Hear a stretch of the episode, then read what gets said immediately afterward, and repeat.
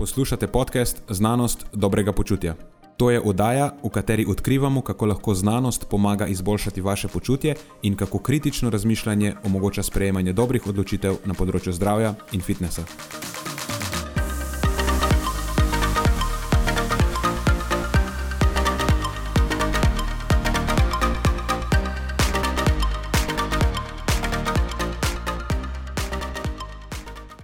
Pozdravljeni, z vami smo Nenad in moj sovoditelj Matjaš. Glavni temi tokratne epizode sta povezava ravni leptina s problemom prezgodnje ejakulacije in elektroliti kot eno izmed najbolj precenjenih prehranskih dopolnil.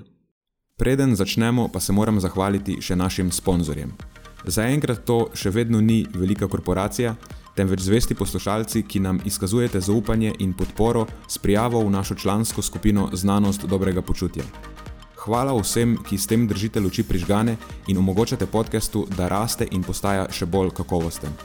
Hvala tudi vsem, ki nas podpirate s pozitivnimi komentarji in visokimi ocenami, ter s tem, da priporočate podcast svojim znancem in prijateljem. Zdaj pa je končno čas za začetek epizode. Uživajte ob poslušanju.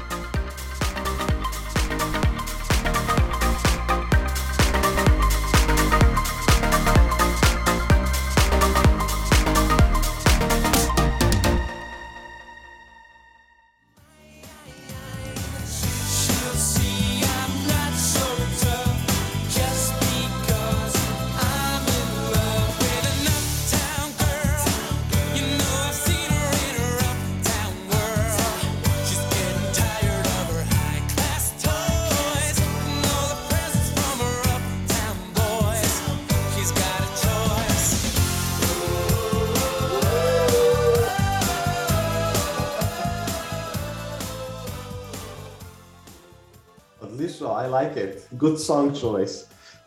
Danes smo bolj veselo začnemo. Dejo, no? Kaj se zgodimo? Malo bolj uh, depresivno, da je res tukaj vzdušje malo bolj pozitivno. Da se malo razbudimo. Snemamo nekoliko kasneje kot oblajni standardni uri ob šestih, zato ker je eden od naju zaspal. Dejva ne omenjati, raj, kdo je bil. Ne ugibajo poslušalci, 50-50 šansa je, da uganejo. uh, obljubim pa, da ne bo vplivalo na izkušnjo poslušalcev, in tako podcast snemamo naprej in izhajajo ob normalnih urah. Na kakovost same zadeve pa tudi ne bi smelo vplivati, ker eh, no, tisti, ki je zaspal, si je vzel za dost časa, da se je ustrezno alkaloidiziral, upoštevajoč farmakokinetiko in farmakodinamiko njegovih praškov in drugih pripomočkov. Ajaj, zdaj pa res ne vem, za koga bojo poslušalci stavili, da se je zbudil prej ali kasneje, ob vseh teh namigih. ja, ne, se zgodi, se zgodi. Veš, eh, občasno nas eh, tehnologija tudi pusti na cedilu, in eh, budilka ne, se ne zbudi takrat, ko bi se morala. ja, tako je, res je. Kar vem, je bil kar, kar precej razborljiv vikend nekaj se je dogajalo, nekaj se je predavalo. Ja, z Marijo sem imela kar eh, obujala sva spomine na eh, stare čase. Uh mhm. -huh. Takrat, ko še, ko sta bila še tu men band. in, sta, in sta hodila po Sloveniji in predavala mesto ja. po mestu. ja, ja, točno to, ja. to so tisti stari časi. Uh, ja, imela sva celo dnevno delavnico pri klubu dvigovanja uteži Olimpije in Vital Gym. In je bilo res, res je bilo dobro. No? te stvari so meni super zabavne. Uh, super. Če sem prav razumel, se je, je stvar malce drugače odvila, kot je bilo v originalu planirano, v kontekstu uh, tega mesarja oziroma obiska Aha. pri mesarju. ja, to misliš. Uh, ja, mislim, tako tisti mesar je. Zdaj ne vemo, kaj se je točno s njim zgodilo. Govori se pač, da je starejši gospod, ki ni vajen nastopati, in tako in tako, in se je pravičil, tako da smo kose mesa pripeljali na lokacijo z ustreznimi označbami. Jure, ki je nekako organiziral to delavnico iz kluba Dvigovanja uteži, je tudi lepo poskrbel za predstavitev teh kosov, oziroma imeli smo natiskane posterje, odkje so kjer kosi, itd. itd. Mi dva z Marijo smo pa potem predstavili, kako jih ustrezno oceniš. Eh, kako jih vključiš v prehrano, kdaj so bolj primerni, kdaj so manj primerni. Meni pa se je zdelo še celo boljše, zato ker smo lahko potem polovice dejansko namenili tudi ne mesojedemu delu publike. In sem si vzel čas, da sem izbrskal eh, te razne alternative, rastlinske alternative za meso, in smo jih primerjali. Dejansko smo primerjali kose mesa in primerjali smo te rastlinske alternative, povedali smo, kakšne so dobro formulirane, kakšne so slabo ali pa slabše formulirane in niso dobri nadomestki tega mesa in tako. Je bilo kar zanimivo. No? So bili tudi zelo raznoliki kosi. Tako. Včasih kdo misli, da v narekovajih zdrava prehrana pomeni, da ješ samo pusto meso, ampak v bistvu lahko ješ celo žival. Ne? Pač samo eni kosi so včasih manj primerni za določene cilje kot drugi. Uh mhm. -huh. No, le kot del nebesojede publike, se to sliši kot izvrstna ideja. Uh, namreč na razpolago je takih izdelkov malo morje, ampak ja. niso pa vsi ravno najbolj primerni. Tako da uh, ne samo kar se tiče uh, vsebnosti drugih hranil, ampak tudi same sestave beljakovin. Ja. Ja. In kot veš, je ta stvar nekaj, kar me zelo fascinira, tako da se mi je zdelo, da sem bil precej navdušen med tem delom predavanja. Si obujal, tukaj si pa obujal spomine na nedavni Vigenuary eksperiment. Ja, ja, ja. Okay. Dobra lekcija, v glavnem. No? Treba je ostati fleksibilen v življenju. Tudi če se kakšna taka stvar zgodi, last minute, se pač prilagodiš in mogoče narediš stvar še, še, še boljšo, boljšo kot bi bila v osnovi. Absolutno. Super. Fleksibilnost to je glavna stvar. To je glavna stvar. Okay. Eh, kaj imamo še v aktualnostih? Hm. Da, rekel si, da je bil vikend zelo.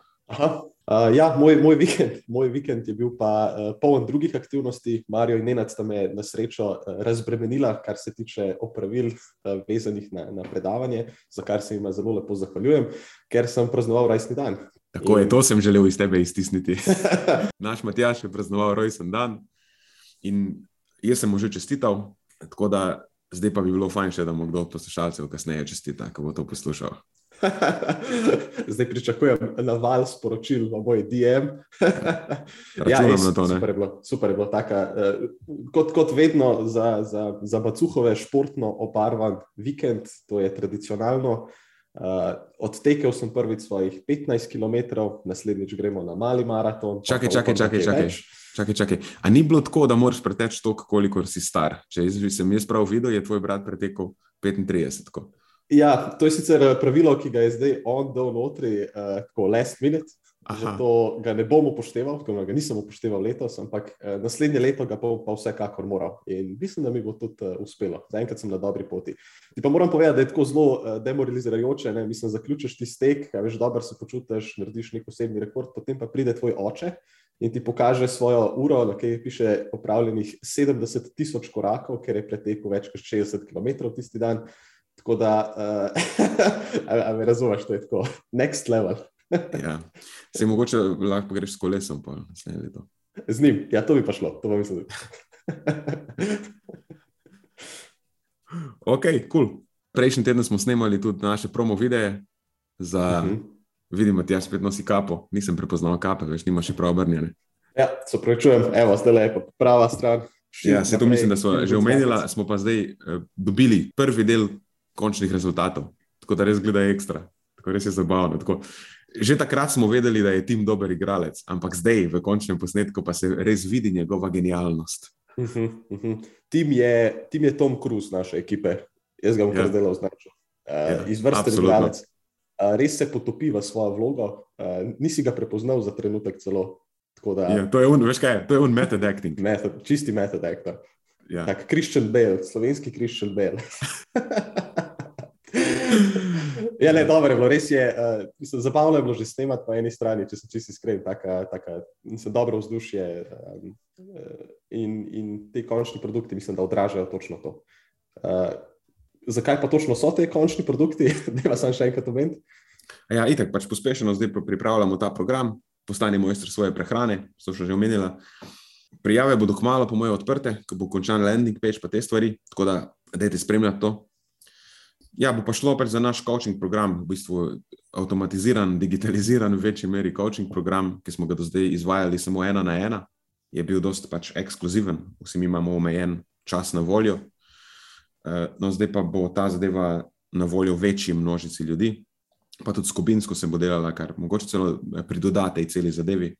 Eh, vsi bomo med sabo sodelovali, skupaj reševali probleme v prehrani. In načeloma, ja, cilj tega programa je, da na koncu postaneš mojster svoje prehrane.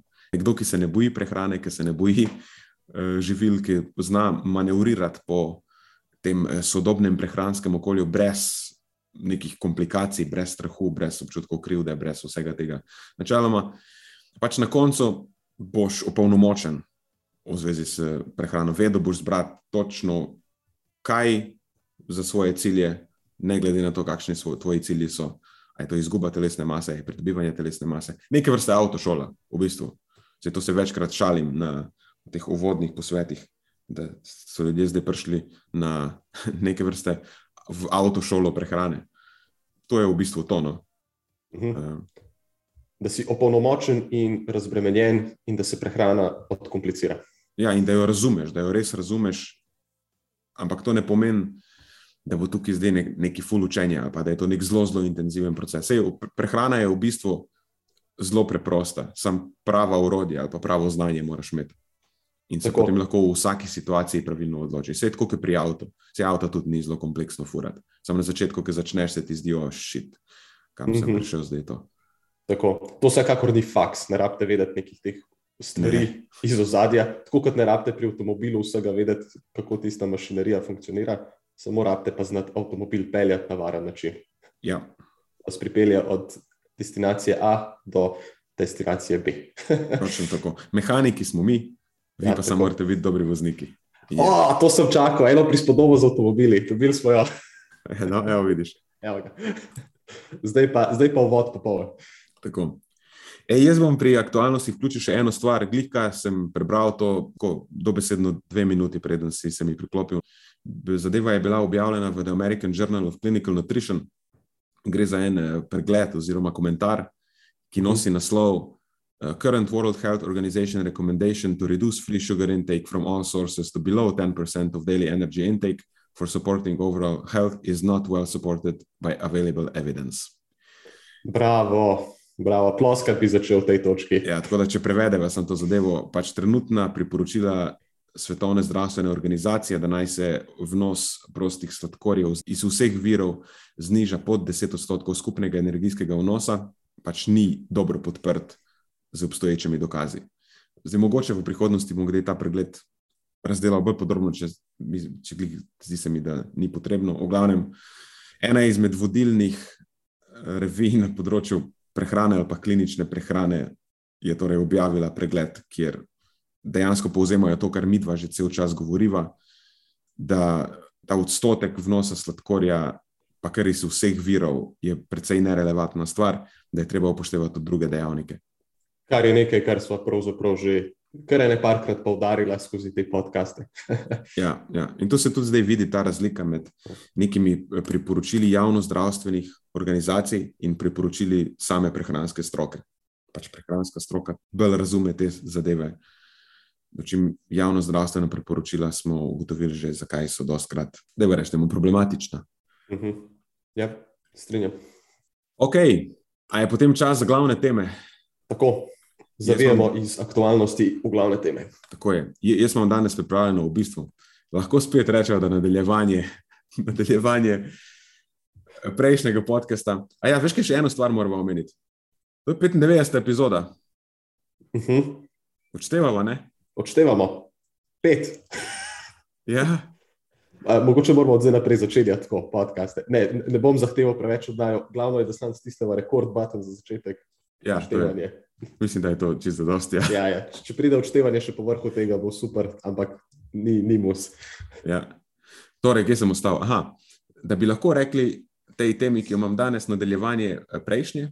Um, govorili bomo o prezgodnji ejakulaciji. Mislim, da je to slovenski izraz. Okay? Upam, da ne bo, ni, ni, ni zdaj komu postalo preveč neudobno. Zdaj, uh, moram dati en disclaimer. Nenad mi je dal na razpolago, Nenad je dal javne volitve včeraj, za, za izbrano množico in jaz sem vehementno zagovarjal to tematiko, tako da se je zelo veselim. Ja, nekako eh, Matjaš očitno podpira mojo kandidaturo za eh, novega seksperta. zdaj, si, zdaj se umikaš od vexfluencerja proti sekspertom. Ja, treba je ja, vsak val.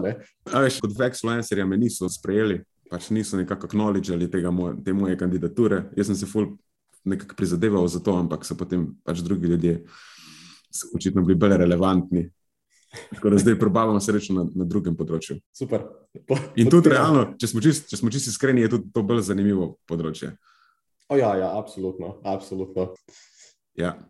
Tako da, eno članek, v bistvu, sej, stvar se navezuje na prehrano. To je tudi razlog, zakaj sem to zadevo izbral, oziroma navezuje se na zdrav življenjski slog na splošno. Um, članek, ki ga bom predstavil, gre za metaanalizo, tudi prvo metaanalizo na tem področju.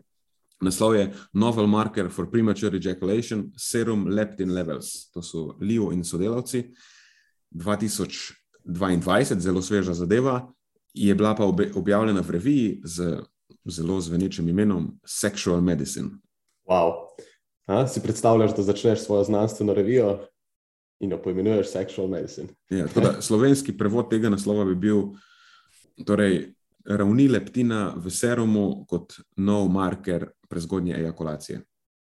Z prejšnjo epizodo sem jaz ta svoj segment začel z definicijo. Da, ja, res je. Ja, na, najprej je, potem je tudi tukaj najbolj primerno, da definiramo to zadevo nekako. Absolutno. Kaj sploh je prezgodnja ejakulacija? Zdaj, tako je, lej, ejakulacija, ne vem, če rabim uh, komu to sicer posebej interpretirati, dodatno, še dodatno, ampak to je pač takrat, ko ti pride, okay? pri moškem govorimo. In zdaj, um, prezgodnja, kako to definiraš, to je ful, ful zanimivo po eni strani, ker očitno se to, uh, to je ena taka zelo, zelo, zelo nenavadno stanje, ker je zelo subjektivne narave. Ker definicija je, ko se ejakulacija zgodi prej, kot bi moški ali njegova partnerka to želela. In zdaj pač ti vidi. Mm, to pa res lahko razpon od do.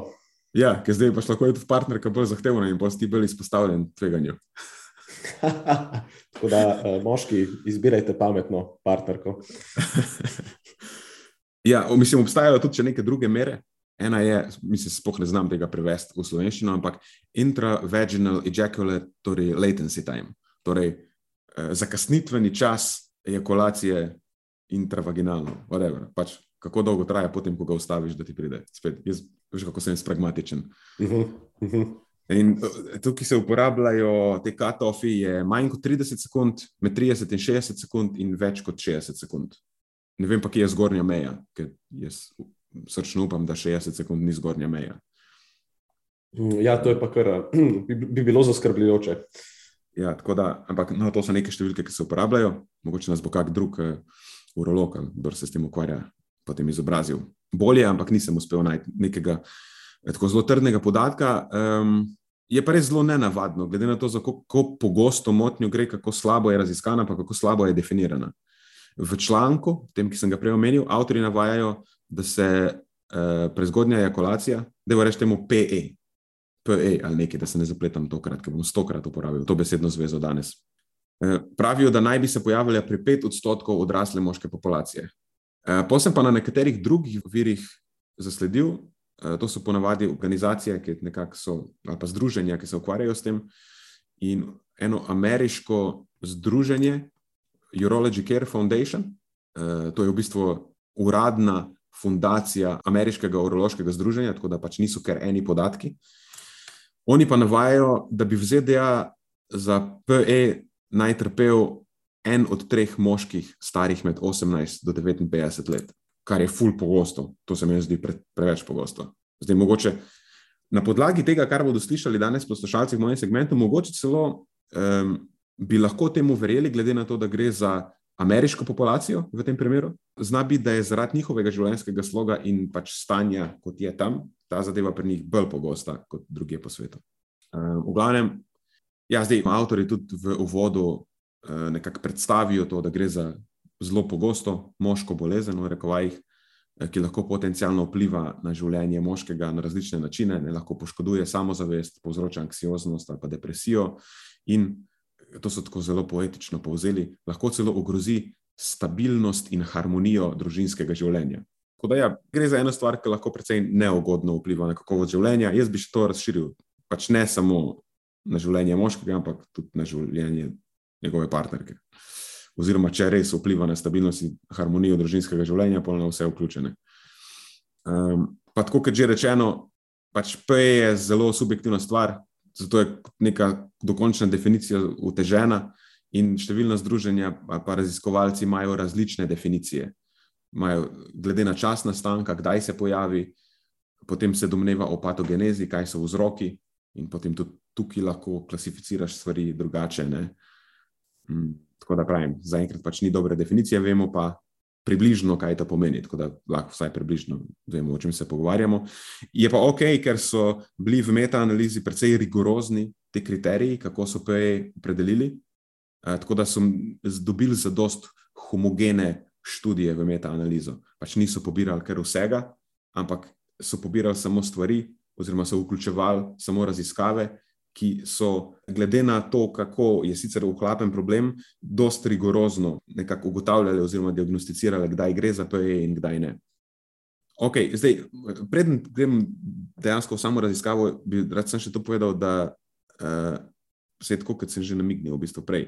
Kljub temu, da gre za eno najbolj pogostih spolnih disfunkcij pri moških, je, je njena etiologija, uh, to so pač vzroki za, za, za razvoj, torej etiologija še zmeraj neznanka. In temu bi rad posvetil še malo časa, samo zato, da se bo bolj razumelo, kje je mogoče ta mehanizem, s katerim se bomo ukvarjali. Pač leptin se mogoče vklopi v zgodbo, sej ne vemo, če se, ampak to je nekako domneva, trenutno je hipoteza, dosto uveljavljena. Pač še nedavno se je domnevalo, da je PE v glavnem psihološki problem. Ampak raziskave v zadnjih letih nakazujejo, da lahko na PE vplivajo različni fiziološki, genetski in neurobiološki dejavniki. Ehm, Tudi vemo, da so s PE povezana določena bolezenska stanja, naprimer kronični prostatitis, hipertiroidizem, presnovni sindrom, erektilna disfunkcija in tako naprej. Dosta enih kroničnih bolezni. Mm, in očitno je, da gre za eh, zelo kompleksno stanje. Eh, no, še ena stvar, ki se pa ugotavlja, je pa ta, da je stvar povezana tudi z psihiatričnimi motnjami. In tudi na podlagi tega se je potem nekako začelo se raziskovati bolj v tej smeri, žučnih prenašalcev in tako. In več raziskav v preteklosti, oziroma do sedaj, je predlagalo, da bi bil lahko pomemben dejavnik v razvoju PE neurobiološki. Pojavila se je hipoteza 5-hidroksitriptamina. 5-hidroksitriptamin eh, je v bistvu druga beseda za serotonin, tako da če bom kdaj uporabil serotonin, sem, da se ve, zakaj se gre. Uh, In ta predvideva, da je 5-hidroksitriptamin uh, tisti, ki inhibira ejakulacijo in zniža senzitivnost glans penisa, to je po domače glavica penisa. Um, ne, in vse to skupaj lahko podaljša čas do ejakulacije. In zaradi tega potem naj bi bila disfunkcija 5-hidroksitriptaminskih žilčnih eh, prenašalcev, zdaj ali je to ravni tega ali je delovanje tega, eh, tisto, kar naj bi prispevalo k PE. In na tej točki, zdaj na tej točki, vstopi leptin. A so že kdaj govorili mi o leptinu, jaz sem skozi zihar, da sva, ampak bom vseeno uh, na hitro probal to zadevo predstaviti. Pač gre za hormon, ki ga v glavnem proizvajajo maščobne celice in ima eno izmed, um, lahko rečemo, najpomembnejših vlog pri regulaciji energijskega vnosa in energijske porabe. Skoraj karikirano rečeno, njegova vloga je, da hipotalamus signalizira o razpoložljivih zalogah energije. Visoke ravni leptina pomenijo raz, veliko ali pa visoko razpoložljivost zalog energije, in to na nek način daje tudi zeleno luč za visoko energijsko porabo. Karikirano spet rečeno, možgani vejo, da imajo veliko energije na voljo in lahko bolj prosto eh, razporejajo, ne sprostijo določene zavore. Tako da, eh, recimo, da lahko rečemo, da telo si lahko privošči biti bolj aktivno. In zgodi se tudi to, da najbrž se prižge tudi zelena luč za reprodukcijo v tem primeru. In če spet karikiram, to je zdaj že huda karikatura. Pač v okolju, kjer je očitno veliko energije na voljo, si lahko privoščimo imeti potomce. In potem se eh, kot tak eh, predvideva, da je leptin pomembno upleten tudi v človeško reprodukcijo in spolno vedenje. In zdaj, mimo grede, to je ena stvar, ki sem jo zasledil nekoč v nekem članku, pa se mi je tako res zdela fascinantna. Ena izmed hipotez, zakaj se pri deklicah prva menstruacija danes pojavi bolj zgodaj, kot je bilo to normalno nekoč, temelji prav na leptinu. Ne, domneva se pač zato, ker danes imajo deklice eh, više ravni leptina, ker so načeloma bolje nahranjene in imajo v povprečju višji delež telesne maščobe kot nekoč, se ta proces sproži prej, oziroma se začne prej. Ampak uh, da se vrnemo k naši temi. Uh, še ena stvar, pač leptin ali pa spremembe v ravneh leptina so povezane tudi z aterosklerozo, rakom dojke, kronično odpovedjo srca, pa še nekaterimi drugimi kroničnimi boleznimi. In v bistvu imamo vedno več raziskav, ki povezujejo ravni leptina z različnimi kroničnimi stanji in tudi psihiatričnimi motnjami, podobno kot recimo prej PE. In kje se te zadeve zdaj spet povežata, je, pojavljajo se tudi dokazi, da leptin lahko zniža ravni 5-hidroksitriptamina v serumu, oziroma da lahko inhibira njegove uh, učinke. In to je po mojem spet samo domneva, ampak leptin in 5-hidroksitriptamin bi lahko bila oboje stransko povezano. To pomeni, da lahko vplivata en na drugega. Recimo, če z terapijo povišamo ravni 5-hidroksitriptamina, se lahko zgodi, da se bo leptin znižal. In zna biti, da je to, viš, nisem sploh pomislil prej na to, ampak zna biti, da je to tudi eden izmed mehanizmov, zakaj uh, zdravila, so določeni antidepresivi, ki vplivajo na ravni 5-hidroksitriptamina, bi lahko povišala lakoto. Ampak to zdaj govorim na pamet, tako da ne ozite tega za resno. Um, ja, in potem, če ta 5-hidroksitriptaminska hipoteza za PE velja, potem je to možen mehanizem.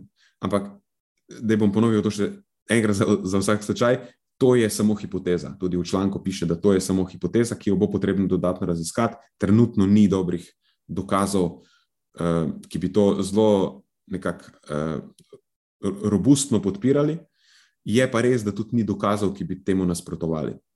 Zaenkrat kaže dobro. Mm, in ja, pač ker nimamo, ker tako nekako je zaenkrat to področje tako zelo umegli, so se potem Liv in sodelavci, pač avtori tega našega članka, odločili preveriti dejanske podatke. Izvedli so metaanalizo raziskav, ki so raziskovale povezave leptina s PE, in glavni namen njihove metaanalize je bil odgovoriti na dve vprašanji. Ali dejansko obstajajo razlike v ravneh leptina med posamezniki s PE in zdravimi kontrolami, in drugo, ali se ravni leptina pri pacijentih s PE spremenijo po zdravljenju, ne? ali so različne pred in po uh, zdravljenju. To metaanalizo so izvedli v skladu s kriteriji PRISMA, to so te Preferred Reporting Items for Systematic Reviews and Meta-Analysis. Uh, to so nekako veljajo kot najbolj rigorozni standardi za izvedbo sistematičnih pregledov in metaanaliz, tako da to je uspodbudno, eh, ko avtori to navedejo v prvem delu članka.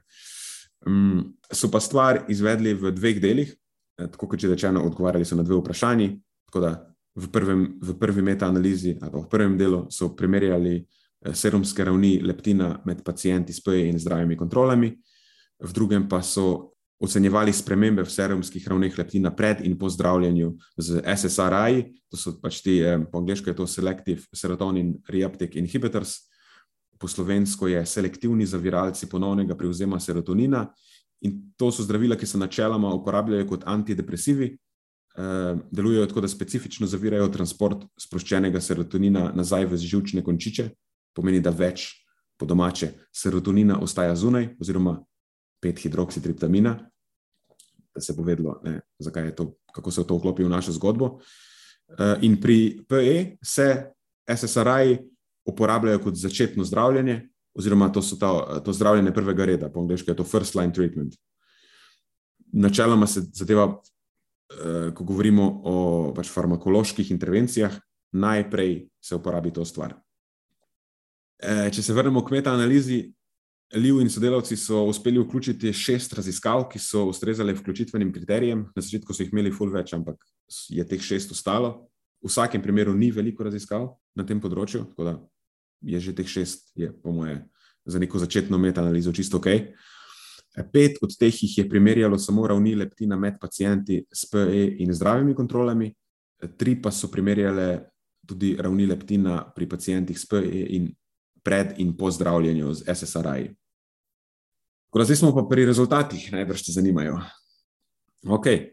Torej, v teh petih, ki so primerjali ravni leptina med, med pacijenti s PE in zdravimi kontrolami, je bilo vključenih 285 pacijentov s PE in 269 zdravih kontrol. Tako vidimo, da ni glih nek ekstra velik vzorec, kljub temu, da je šest raziskav, ampak ok, pravim za začetek čisto ok. Eh, tudi za neko to, to tako preliminarno sklepanje, ne, na podlagi katerega lahko potem raziskujemo naprej, se mi zdi, da je čist, čist ok. Samo moramo vedeti, da na podlagi teh številk ne moremo zdaj um, nekih hudih povezav, sploh pa ne vzročnih, uh, delati. Um, in no, rezultati potem kažejo, da je pri pacijentih s PE raven leptina približno 18 nanogramov na mililiter višja v primerjavi z zdravimi kontrolami. In ta razlika je bila statistično značilna. Uh, in tudi interval zaupanja je precej visoko nad ničlo, tako da sem precej samozavesten, da je dobra ugotovitev. No, potem pa, kar se tiče drugega dela, tistih treh raziskav, ki so primerjale ravni leptina pri pacijentih s PE in pred in po zdravljenju z SSRI, te raziskave so trajale 8 tednov z zmernimi odmerki SSRI-jev, to je med 50 do 60 mg na dan. In tudi tukaj rezultati kažejo, da so se po osmih tednih zdravljenja z SSRI pri pacijentih s PE ravni leptina znižale za okoli 22 nanogramov na mililiter. In ta razlika je spet statistično značilna, interval zaupanja se začne precej nad ničlo. Tako da tudi tukaj se mi zdi, da niso po nesreče tega odkrili. Um, tako da, če, če potegnemo črto, Ta metaanaliza torej potrjuje povezavo leptina s PE in nakazuje, da bi eh, visoke ravni leptina lahko bile pomemben dejavnik pri prezgodnji ejakulaciji. In pač se še vedno obstaja vprašanje, ali leptin dejansko igra vlogo v patofiziologiji tega stanja, ali pa je samo eh, potencijalen serumski marker za prezgodnjo ejakulacijo. In zdaj, v nekakšni tej zaključni diskusiji avtori domnevajo, da je visok leptin najverjetneje zgolj fenotip PE, oziroma nek marker neuroendokrinih sprememb, ki potem stanje povzročijo. Eh, podobno recimo kot visok testosteron, ki je tudi povezan uh, s PE, ampak se ne smatra kot vzročen dejavnik, uh, sam uporabljajo ga kot enega izmed markerjev PE. Tako da tudi visok testosteron je nekaj, kar je lahko povezan z neugodnimi stvarmi. Uh, No, um, pa še eno stvar bi na tej točki še enkrat izpostavil. Pač ta metaanaliza temelji na majhnem številu raziskav, na majhnem številu udeležencev. Uh, rezultati bi lahko bili pod vplivom motečih dejavnikov, uh, ki jih zaradi majhnega vzorca ni bilo mogoče nadzorovati. In pa še ena stvar je ta, da je večina vključenih raziskav upravljenih na azijskih populacijah, tako da rezultati mogoče niso najbolj nasplošno reprezentativni oziroma jih mogoče ne moremo najbolj posplošiti na evropske populacije. Um, čeprav to je tako pač povedal, zato ker moram povedati, ne vem, zakaj bi se azijska populacija potem razlikovala od evropske. Tako ne vidim nekega mehanizma ali vzroka za to, ampak lej, lahko pa da. Sam kakorkoli pogledaš, zdaj imamo potencijalno povezavo, mogoče poznamo tudi mehanizem, Eh, visoke ravni leptina, ali pa lahko rečeš previsoke ravni leptina, ki so načeloma posledica eh, prekomerne telesne zamaščenosti, bi lahko bile pomemben dejavnik pri prezgodnji ejakulaciji. In zdaj, kakšna je praktična relevantnost tega, me kdo vprašal, zakaj, kako si mislil, da je to povezano s prehrano. Ja, sej, kaj pa vpliva na prekomerno zamaščenost primarno, ne? če ne prehrana, prehrana pa življenjski slog. In uh, vemo tudi, da prekomerna zamaščenost očitno lahko vpliva na več aspektov spolnega zdravja v, v prejšnji epizodi, recimo, smo omenjali vpliv na erektilno disfunkcijo, oziroma omenjali smo eh, povezavo erektilne disfunkcije s srčno-žilnimi boleznimi. Samo vemo, da debelost eh, oziroma prekomerna zamaščenost je eden izmed najpomembnejših dejavnikov tveganja za srčno-žilne bolezni in posledično tudi erektilno disfunkcijo. Eh, no, očitno pa bi lahko prekomerna zamaščenost potem negativno vplivala na spolno zdravje, oziroma na spolno zmožnost, kako koli temu češ reči, tudi preko drugih, um, mogoče endokrinih ali pa neuroendokrinih mehanizmov, in kot taka bila upletena v pojav prezgodnje ejakulacije. Tako da um, telesna sestava je pomembna stvar. In očitno ne samo za zdravje na splošno, tako v, v smislu, kot zdravje razume večina, ne ko govori o srčno-žilnem zdravju, o presnovnem zdravju itd. Um, ampak je telesna sestava najbrž tudi ključna komponenta. Eh, kaj sem uporabil tisto besedo, ki mi je zelo všeč, eh, virilnosti oziroma eh, moške potentnosti. Eh? Moške potentnosti. Ja, tako da ne, zdaj na tej točki se mi zdi, da imamo na lagerju že dva na sveta. In eh, če bom kdaj pisal knjigo o tem, eh, imamo očitno vsaj dve poglavji že pripravljeni. Tako da poleg rednega uživanja kakavovih flavonoidov je očitno tudi skrb za zdrav, oziroma relativno nižji delež telesne maščobe neka stvar, ki bi lahko bila potencialno pomembna. Odlično, odlično. Veš kaj, sem se že bal, da boš zaključil ta segment brez direktne omembe flavonoidov. Tako da se, se veselim, da temu pač ni bilo tako.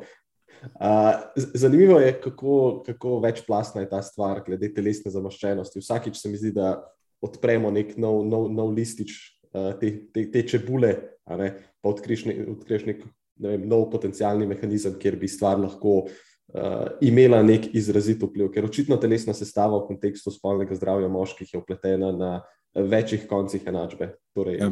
erektilna in, disfunkcija in, in pa je. In eno stvar sem pozabil še omeniti, uh, ki mi je zdaj šele prišla na pamet. Pač sej, pet hidroksitriptamin je najbolj upleten tudi v debelost na nek način.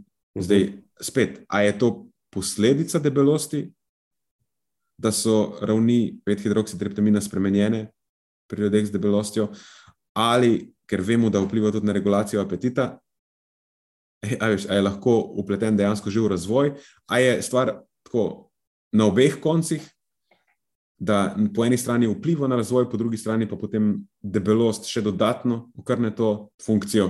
Ne vemo. Samo vemo, da so te stvari med sabo prepletene. Ja, kaj je zdaj tukaj kura, kaj je tukaj jajce. Um, ja. Težko reči. Ampak očitno, očitno obstaja neka povezava, izrazita. Ja. Da, če si nekdo, ki ima ta problem, pa ima povišeno telesno maso, well, mogoče lahko to probaš. Uh mhm. -huh. Ja, mogoče je to tvoja prva točka, ki se jo naslovi. In ja. nekaj, kar je zagotovo znotraj um, tvoje domene, da se lahko spremeni. Ja. Tako da zdaj pa še dodaten nasvet za vse nadebudne eh, predavatelje o prehrani, ki predavajo v podjetjih, ki so bolj proizvodne narave in morajo navdušiti ljudi, ki sicer niso navdušeni nad prehrano, poleg erektilne disfunkcije, zdaj lahko pritisnete tudi na tipko prezgodnje ejakulacije. Imam občutek, da bom naslednjič to videl v slajdih, nekaj povezano z leptinom. Absolutno. Absolutno. Je že notri. ja. Super, odličen segment. Gud, povej nam, kaj imaš ti danes za nas pripravljeno? Uh, pravzaprav eno tako. Mm, kaj pa vem, po, po mojih pojmih, vsaj v teh krogih, ki se jaz gibljem, morda rahlo kontroverzno temo, eh, ampak se, se zavedam, da v veliki luči vsega ostalega, kar se dogaja, to ne pomeni absolutno nič. Uh, in to so dopolnila elektrolitev, ki se meni osebno zdijo iskreno eno izmed najbolj precenjenih športno-prehranskih dopolnil. Uh, z večino športnih situacij in bom razložil, zakaj se mi tudi temu zdi tako. Uh, in vedno pogosteje opažam v praksi pri delu športniki, da si mešajo ne le hidratne napitke, kar absolutno podpiram, ampak tudi načrtno dodajo elektrolite v svojo prehrano in to v razne vadbene enote, ki, ki vem, so take krajše dolžine, ne potekajo recimo na visoki zunanji temperaturi, ne potijo se preveč, recimo v dvorani, potekajo in podobno. Wow, okay. Zdaj, mogoče nekdo nas je to vprašal, kaj je tista stvar v prehrani, ki jo ti delaš, ampak ni podprta z dokazi. A se bo zdaj izkazalo, tudi, da jaz so umešam v, v svojo tekočino na kolesu, da, da, da, to, da to ni evidence-based? Uh, ne, ne, ne, ne, sploh ne. Kaj ti, ko rečem elektroliti, imam v mislih neko tako poljubno mešanico različnih elektrolitov, dodajanje načrtno natrija, oziroma soli v tem primeru, pa se mi dejansko zdi smiselno. A, okay, to je nek tak pomemben distinction, ki bi ga tudi rad naredil na tem naslovu. Se mi je zdelo, sicer, ampak eh, sem si mislil, wow, pošito sem kje spustil. A mi je kje ušlo? Ja. uh, skratka, dajmo si. Dajmo si pogledati, mogoče za začetek, kje pa bi bilo dodajanje, predvsem natrija, ne vseh elektrolitov kot celote, dejansko smiselno. Um, To bile vadbene enote, ki v prvi vrsti trajajo dlje časa. Po mojem mnenju, nek cut-off point bi bil recimo vsaj uro pa pol, če ne celo dve uri ali dlje časa. To je ena točka. Druga točka je ta, da se odvijajo na neki uh, višji, uh, visoki temperaturi. Zdaj spet uh, imamo dokaj arbitrarno mejo tukaj postavljeno na naslovu raziskav, ampak vsaj nekih 28 stopinj Celzija je običajno tisto, kar se izkaže kot uh, koristno v kontekstu dodajanja natrija. Takrat se načeloma bolj izrazito potimo in to je še posebej izrazito v primerih posameznikov, ki izgubljajo več natrija s potenjem, te tako imenovani salty sweaters, ena izmed mojih najljubših besed v, prehrans v prehranski znanosti. in jih zelo hitro prepoznaš, take posameznike, ne po tej barvi dresov, oziroma po teh belih lisah, ki se nahajajo na njih. Uh, no, potem pa seveda, poleg trajanja aktivnosti in visoke temperature, uh, je po vsej verjetnosti smiselno dodajanje natrija v manjših količinah, tudi v primeru um, tega, da preizkušnje potekajo na višji nadmorski višini. Spet nimamo točne definicije, kaj naj bi to pomenilo, ampak predvidoma vsaj nad 2000 metrov nadmorske višine. Uh, kjer načeloma naši mehanizmi za hidriranje ne potekajo tako kot sicer, ali pa mogoče da jim tako poenostavljeno reči, ne sledijo tako dobro našim potrebam po tekočini kot sicer. In potem dodatek natrija pomaga predvsem v kontekstu spodbujanja žeje in, in nekoliko višjega vnosa tekočine kot celote. In oglikovi hidrati v napitkih imajo mimo grede podoben učinek kot natrij v tem kontekstu, recimo spodbujanja vnosa tekočine, poleg seveda drugih koristnih učinkov dodajanja enostavnih oglikovih hidratov med naporno fizično aktivnostjo, in, eh, in v tandemu najbrž delujeta najbolje, tako vsaj predvidevamo ta trenutek. In, in to je pravzaprav to, po mojem mnenju, no, kar se tiče nekih tako uh, športnih situacij, kjer bi dodajanje natrija, ne elektrolitov kot celote, bilo koristno. In, in če ni bilo očitno, to, to so tako. Um, ne vem, manjšina športnih situacij, mislim, da lahko rečemo. Uh, ja, absolutno se pojavljajo pri večjih vzdržljivostnih preizkušnjah, kolesarjenje si omenil, ne, to, to je odličen primer tega, kakšni tekači uh, na daljše proge, trail teki, trekkingi in podobno, ki celo pogosto potekajo ne samo dlje časa in na visoki temperaturi, ampak tudi celo visoki nadmorski višini. Uh, kakšno hribolazenje morda tudi pride v poštev in podobno, ampak vsekakor pa jih ne dodajamo kar povsod in v vseh športnih situacijah. In če se vrnem nazaj Eh, na, na to, zakaj se mi zdijo potem dopolnila elektrolitov precenjena kot celota. Je en faktor, ta, ki sem ga omenil. Eno je to, da pač ni aplikabilno za vse športnike, za večino športnih situacij. In drugo je to, mogoče najbolj pomembno, da vsebujejo cel nabor elektrolitov, ki dejansko niso potrebni, niti v preomenjenih situacijah. Če kaj potrebujemo, je to primarno natrij, to je tisti elektrolit, ki ga v največji meri izgubljamo skozi potenje, in dobesedno um, ščep soli v bidon svojih, uh, svojih oglikovih hidratnih pripravkov med telesno aktivnostjo, je več kot dovolj, da pokrije te potrebe. In zdaj, na zadnje, kar sem jaz preveril, je navadna kuhinjska sol tako bistveno cenejša kot ti razni pripravki elektrolitov. Uh, našli so se še eni taki dodatni na tržišču, pa, uh, katerih cena je pa res, res izrazito visoka. In še ena zelo pomembna stvar, uh, pokrivanje potreb po elektrolitih, tako kot recimo, da rečemo, celotni skupini teh um, spojin, je v osnovi stvar naše prehrane kot celote, ne, ne, ne tega, kaj mi pijemo dotično med telesno aktivnostjo. Ker s kolikor toliko smotrno prehrano, ki vsebuje neko smiselno količino manj predelanih živil uh, in vključevanjem smiselne količine soli v prehrano, torej da je ne izključujemo načrtno, Eh, res zlahka pokrijemo potrebe po vseh elektrolitih. In aktivno dodajanje elektrolitov po vrhu take prehrane dejansko ne nudi nobenih dodatnih koristi na naslovu zmogljivosti, in imamo že precej raziskav, ki, ki točno to potrjujejo. Zdaj bi pa šel mogoče samo še korak naprej od teh elektrolitov, ker se mi zdi, da se direktno navezuje na to temo. Ampak zdi se mi, da, da se športniki pogosto uh, zelo, zelo bojijo dehidracije. ne, vsaj tako občutek sem jaz dobil. Zdaj, absolutno ne pravim, da je treba omejevati vnos tekočine, res ne, ampak pitje vse poprek. Konstantno srkanje tekočine iz tistih flašk, dokler naš urin ni samo bel, ampak res čisto prozoren, dejansko ni koristno. Zdaj sem imel že par takih situacij, kjer sem imel posvet, pa moji posveti ne trajajo tako dolgo kot pri Mariju, recimo, in je mogel več športnikov vesti na VC dvakrat. to je tako, to je nevrjetno, v razponu ene ure. Uh, tako da neko obsesivno pitje tekočine brez prestanka res ni, ni koristna stvar.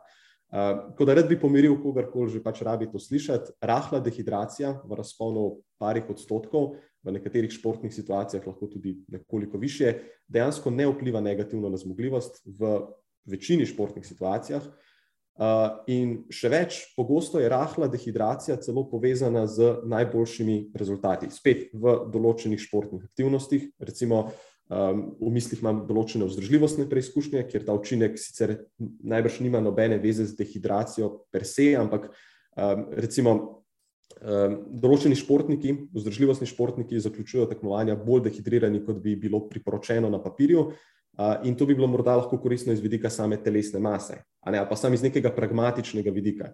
Recimo si na maratonu ali pa ne v nekem kronometru, pa se potem ne ustaviš na tisti zadnji postojanki, da spiješ in samo gaziš dalje. V preteklosti se je to dejansko na nekakšnih večjih tekmah izkazalo kot celo nujno potrebno za zmago, ko se gre za tiste marginalne razlike med, med prvo uvrščenimi.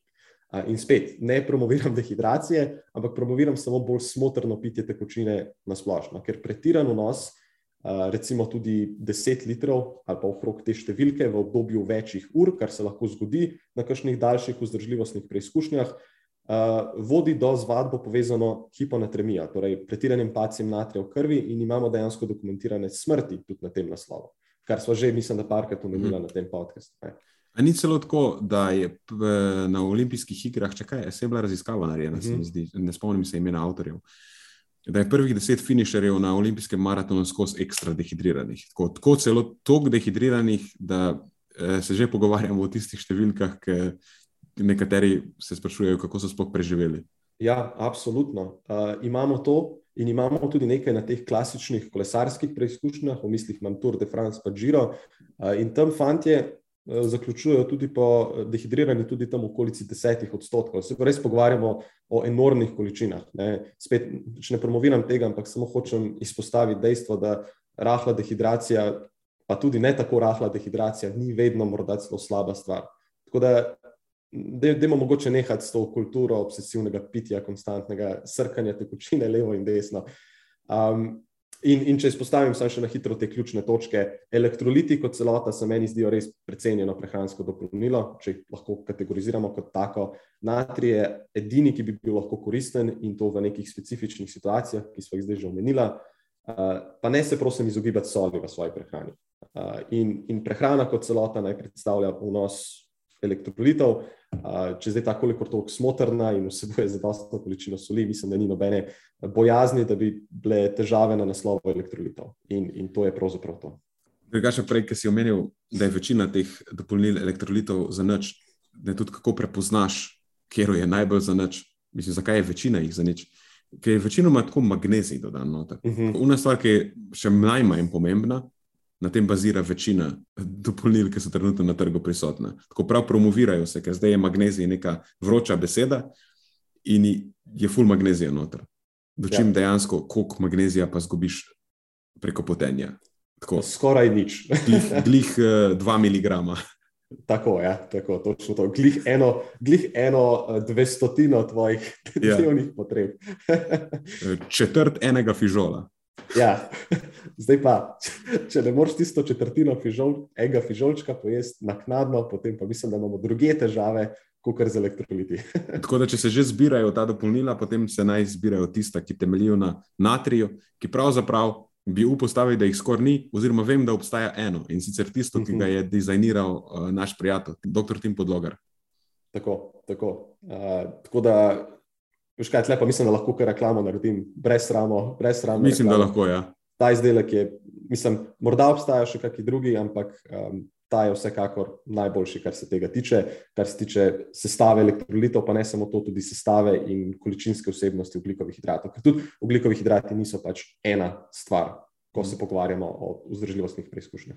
Ja, drugač pa dejansko njegova mešanica temelji na analizi potu. Pač nekako povprečje tega, kar um, je bilo ugotovljeno, da pri večini ljudi se izloča skozi pot, ne, tisti elementi. Daleč največ je uh, natrija, uh, posel pa še sledi, mislim, da mokali, uh, nekaj malega je pol še kalcija, pa tako res. To so po moje dodali samo zato, da boljše zgleda magnezija, uh -huh.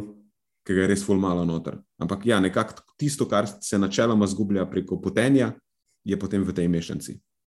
Tako. Se lahko na konkretno reklamo narediva, ki je pač dober produkt. Endurance je linija. Tako, tako.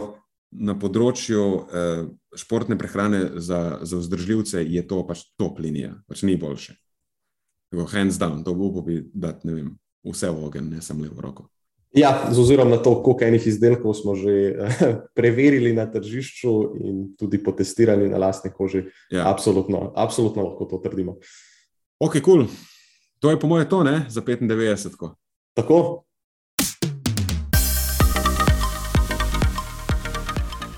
To je za tokrat vse iz naše strani. Hvala, ker ste poslušali do konca.